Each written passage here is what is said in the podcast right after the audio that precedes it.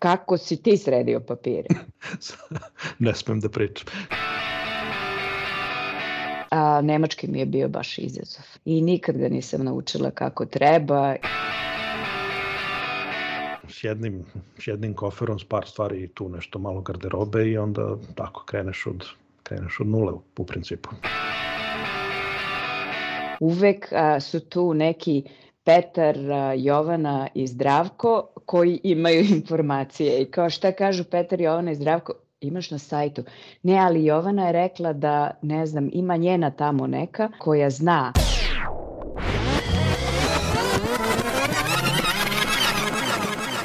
Radio karantin. Ljudi, ja odoh odavde, sredio papire, od iduće nedelje sam u Nemačkoj.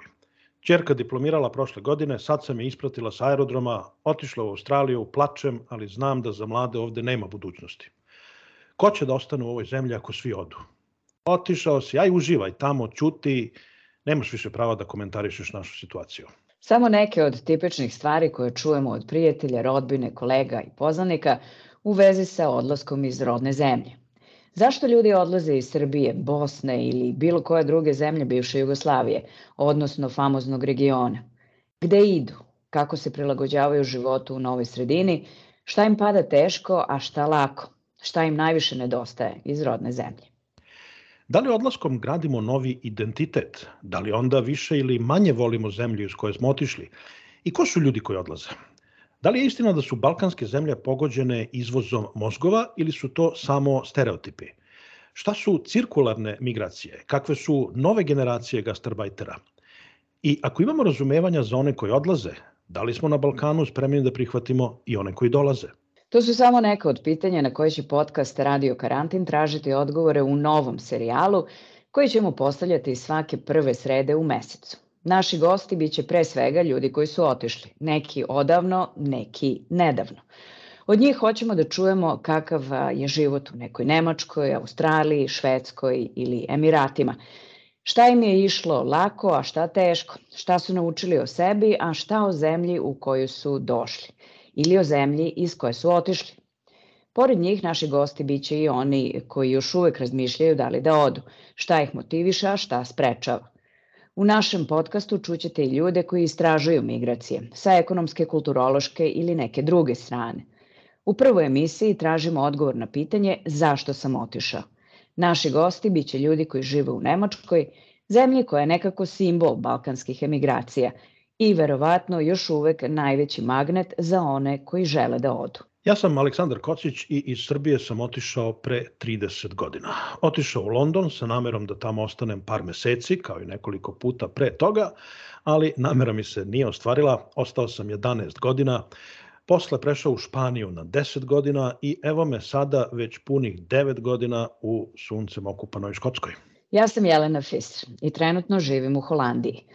Iz Srbije sam otišla pre skoro 20 godina – a posle ubistva Zorana Đinđića. Za mene je taj užasni događaj bio prekretnica. Do tada nikada pre nisam ni pomišljala, a kamoli maštala o tome da se iseljavam ili emigriram. I kada je moj suprug dobio posao u Južnoj Africi, u proleće 2004. počinje moj emigrantski život. Znači ti kažeš, Jelena, evo koliko, 20 godina si već na polju. Skoro 20. Šta, si, šta bi mogla da kažeš ovako ukratko, šta si za to vreme naučila o sebi? Da li uopšte život van uh, rodne zemlje pomaže uh, ljudima da bolje spoznaju sebe? Pa ne znam koliko je ovo zapravo odgovor na tvoje pitanje, ali više sam dobila ne, potvrde nekih uh, uverenja ili naziranja nekih ideja o sebi, a najvažnija me je verovatno ona da uh, a, sam dobila potvrdu da je taj neki nacionalizam i to ograničavanje u tom smislu, naročito tim nekim geografskim nacionalnim prostorima, nešto a, zapravo najograničavajuće što čovek a, svom umu može da priredi. I a, srećna sam da sam napravila otklon od svega toga. Ja isto stalno, stalno sebi postavljam to pitanje i tražim odgovor konstantno ovih 30 godina. I onda nekad mislim da sam možda samo uh, shvatio koliko sam prilagodljiv. Mm -hmm. uh, takođe shvatio koliko je mojih prvih 20 godina života u Srbiji ipak presudno, pošto sam se tad tek formirao kao ličnost, rodio i odrastao kao tinejdžer i tako dalje, otišao kao propali student, e, da su te, te formativne ili formirajuće godine ipak nekako presudne i da posle 30 godina uh, života van i puno lepih i dobrih stvari koje sam prihvatio u, u novim sredinama, ipak ima nešto što mi ono kao i dalje smeta i dalje nedostaje iz rodne zemlje, uh, da su neke moje karakteristike ipak pre svega uh, definisane ili pre svega formirane uh, životom u Srbiji ili tada još Jugoslaviji. Znači, hoćeš da kažeš da ćemo biti večiti padavičari. uh, A ne znam da, da, ne znam šta podrazumevaš pod padavičari, ali sam shvatio da ne treba bežati od, od, od nekih osjećanja ili nekih stavova.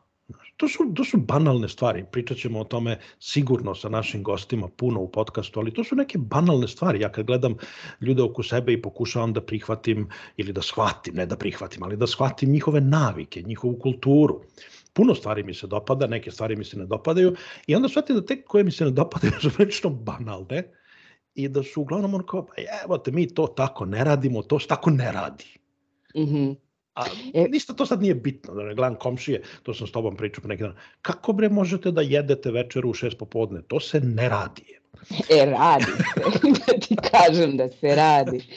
A, ali e, razumeš šta hoću da kažem? Pa da, ali to, eto recimo kad si spomenuo te neke sitne stvari, sitne, to je recimo što mene beskreno sada um, nervira kad se vratim dole, pa uh, kad vidim i sad ponovo učestvujem u tom bavljenju tim sitnicama u nedogled. Ove, sad ne znam da li je to zato što ljudi imaju vremena ili je to ono kao kulturni fenomen, karakteristika, da jednostavno se ljudi bave tim nekim stvarima koje su potpuno irelevantne. E dakle, ta je, um, to je život u inostranstvu, recimo, ajde uslovno rečeno na zapadu, gde sam po, počela potpuno udobno da se osjećam, da mi je donelo tu vrstu udobnosti, da zaista ne moram time da se bavim, da su to irelevantne stvari, da svako ima pravo da izabere ukoliko će sati da jede i šta će da jede za večeru i kao to je to. Ne, ne, naravno, naravno, meni je, meni je kad sam otišao sa 20 i koliko, pet godina u London, meni je fascinacija bila to da možeš da se obučeš kako hoćeš, da možeš da ideš, izgledaš kako hoćeš i da te niko, ne, niko ne obraća pažnju. Jer ja na to u socijalističkoj Jugoslaviji nisam navikao, nije bilo toga. Znaš, seti se samo, tamo su šibali pankere. Ovaj, I onda da. mi je da. to, da, to mi je bilo velika, velika ovaj, um, veliki pozitivni, pozitivni šok. A čekaj sad, kad si spomenuo taj odlazak u London, ti si a, otišao, još je bila SFRJ, ako se ne varam. Um, u poslednjim trzajima. U poslednjim trzajima. Kako si odlučio da moraš da odeš iz zemlje? E, nisam uopšte odlučio da moram da odem, bilo je e, da se malo sklonim ovaj, od nekih poziva za mobilizaciju koji u suštini nisu bili ozbiljni, ali to mi je više bilo onako kao, ovaj, to me gurnulo, ajde opet malo idi tamo, traži sebe, vidi šta ćeš sa sobom. I stvarno mi je bio plan da odem na par meseci, ovaj, da se malo izduvam, da, da vidim šta ću. Ali su se onda eto tako desile neke stvari, uspeo sam vrlo brzo da nađem uh, e, dobar posao, uspeo sam vrlo brzo da sredim status i i onda stvarno slučajno, ni nesvesno praktično, e, ostao. Da, kažeš da nisi imao problema u vezi sa sređivanjem papira. To je recimo nešto što se najčešće čuje. Ono, koje je kako si sredio papir. Mm. Da, Kako si da. otišao? Ja recimo nisam imala taj problem, pošto mi je a, muž a, državljanin zemlje Evropske unije, pa nisam morala mnogo da se mučim ili uopšte da se mučim. Ove, ka, kako si ti sredio papire? ne smem da pričam. Šalim okay. se. Šalim se. Ovaj, ne, ja sam, ja sam sredio papire opet bukvalno e, nesvesno, ne, ne znajući. Ja nisam išao s tom namerom, nego kad sam došao u London, tada inače još uvek uh, Jugoslovenima nisu trebale vize za Veliku Britaniju. Tako da sam ja ušao sa mogućnošću da tamo ostanem šest meseci i onda krenuo da razmišljam šta ću, kako ću, gde ću i onda mi je komšija, bukvalno komšija koji je Kenijac. pa čekaj, šta ti radiš na radiju u Jugoslaviji, pošto se ti ne prijaviš da budeš novinar ovde? I ja odem u ovaj famozni home office u Ministarstvu unutrašnjih poslova i kažem, dobar dan, dobar dan, ja sam novinar iz Jugoslavije, radim za Radio Pansevo, i, ovaj, i kako ja ovde mogu da se bavim novinarskim poslom. I oni kažu, sedite, sačekajte, ja čekam jednih sat vremena i ovaj se vraća i kaže, evo, izvolite pasoš, evo vam radna dozvola, novinarska viza na godinu dana, dođi posle da ti produžimo na još tri godine. Ja stao, ja sedao u šoku, rekao, šta je sad to?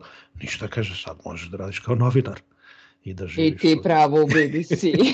I ja pravo u BBC. I, pa, da. Šta se kaže, upala ti sekira ili kašika u med? To uvek pa, kaže, se, kaže se bio čovek uh, na pravo mesto u pravom trenutku. Da, pa oni, dobro. oni, otvarali novo, oni otvarali novo radno mesto, ja se zatekao i, ovaj, i tako. Nije posle sve bilo glatko i lako, bilo je problema, bilo je, znaš, a pa čekaj, tvoja viza ti ne omogućava da radiš puno radno vreme, tvoja viza ti omogućava, znaš, pošto ti imaš ti, ti si ovde po drugom osnovu i tako, bilo je svašta, ali u suštini da, to je, bukvalno sam ono, praktično us, znaš, nekako u, zalutao u, u papire i u vizu i ostao. Posle sve naravno išlo lakše. A čekaj još oko ovog Londona, sad moram da te čačkam o, još malo. Um, ne znam je ti to bio prvi odlazak u životu u London, um, ali Nije da li... Prvi. Mm, A da li se sećaš onda kakav je osjećaj bio, pošto mislim ipak si malo odlazio na brzinu, nije sad ovo bilo kao ideš da overiš koncertnu sezonu u, u Londonu i da ne znam vidiš šta se dešava po Roundhouse-u i da, pa to ne, sve. Ka, kakav je bio osjećaj kad si izašao, kad si kročio ono ko napolje? Ne znam ni čime si, čime si došao, čime se putovalo u to vreme. Tad su već, da, tad su već bile uh, ako se ja ne vram, tad su već bile uvedene sankcije, to je bilo u septembru 92. godine, tako da sam uh, ja uh, leteo iz Mađarske za iz Budimpešte za Amsterdam, pa onda iz Amsterdama za ovaj London i pravo da ti kažem, ne mogu više ni da se setim. Mislim, odlazio sam u London više puta, proveo pre toga jedno 7-8 meseci u Londonu sve ukupno, tako da sam se nekako osjećao ono, ok, poznato mi je, znam gde sam, znam,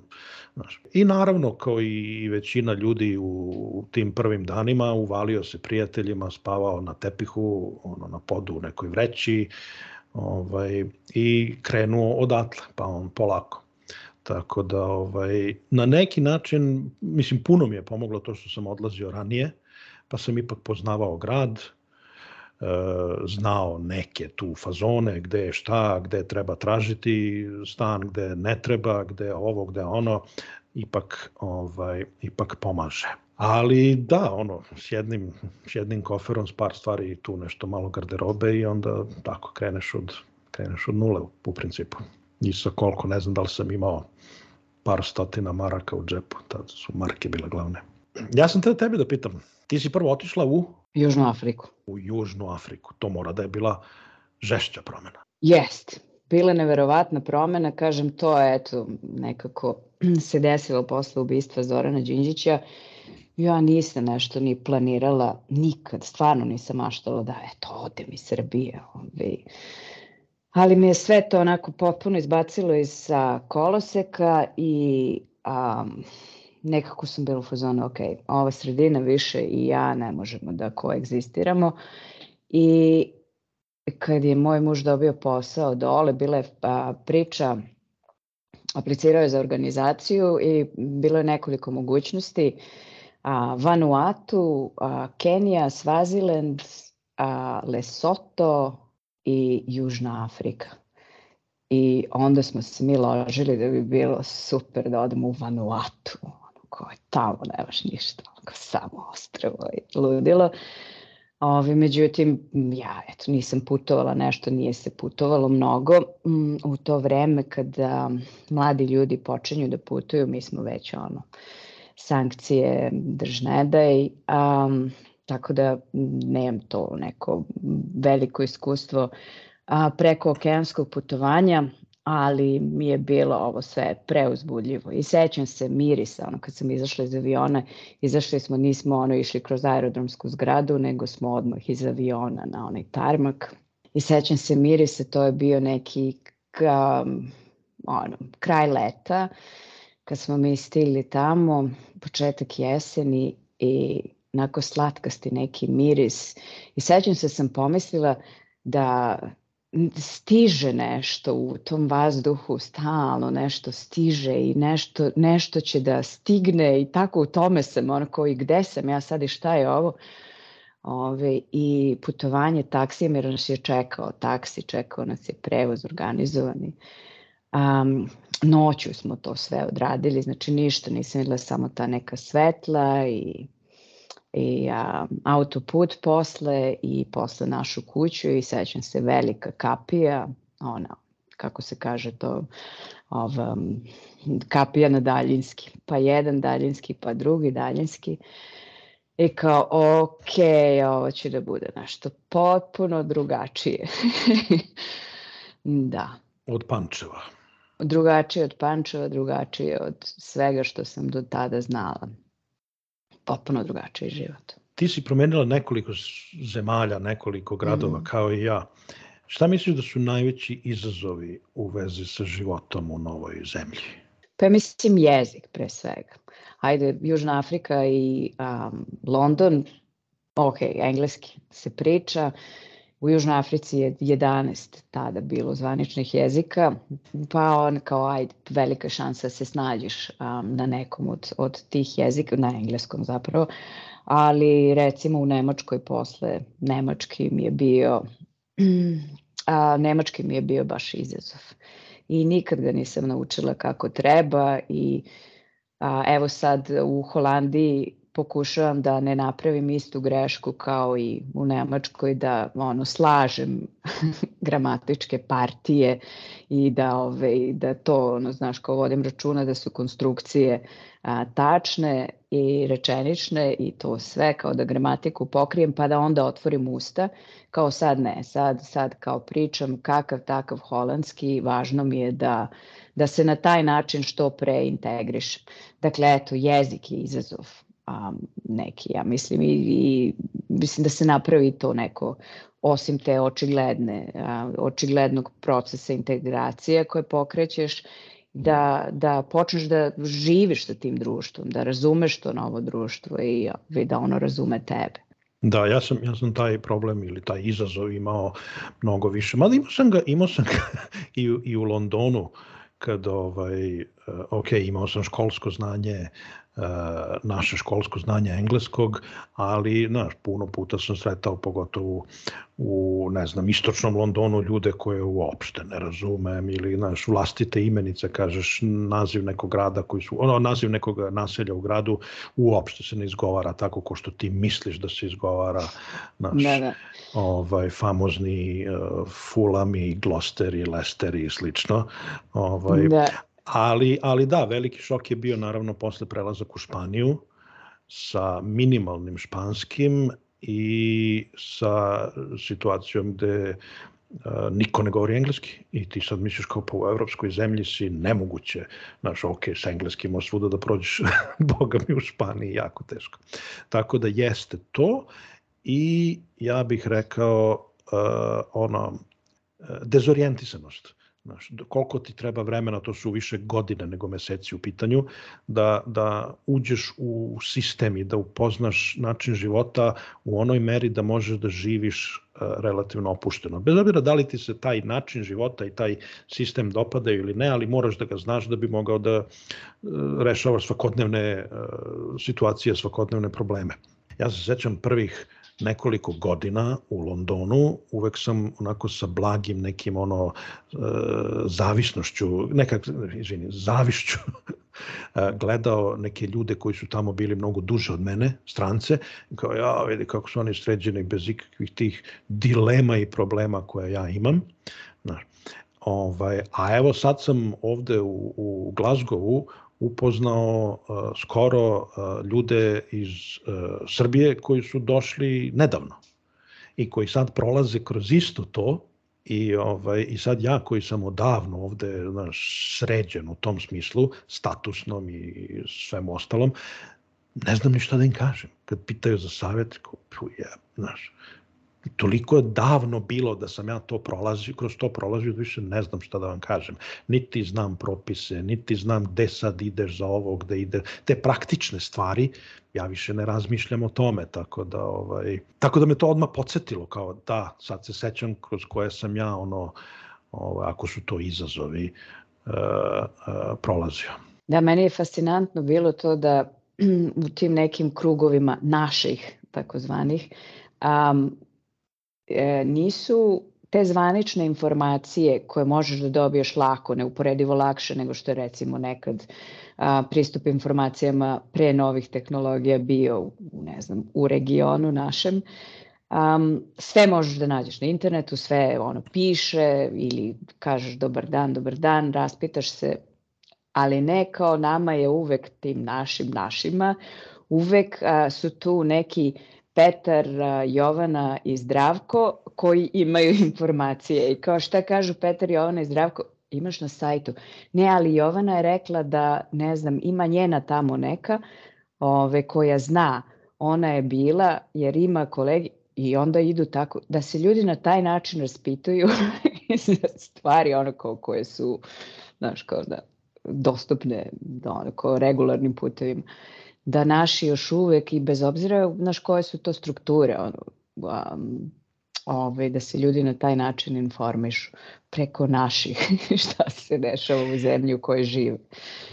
Sigurno da ćemo u narednim nedeljama i mesecima pričati puno o tome i uopšte o konceptu naših, to šta je, šta je danas naš i tako dalje o prilagođavanju, o prihvatanju ili neprihvatanju kulture, običaja, navika, o profesionalnom životu i tako dalje. Ovo su samo neke od tema koje smo mi sad dotakli, a koje ćemo probati da pojasnimo u novom serijalu Radio Karantina.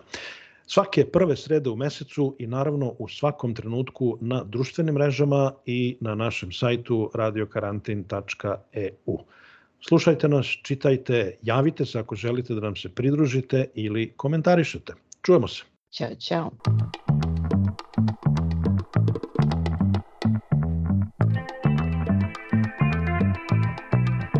Radio Karantin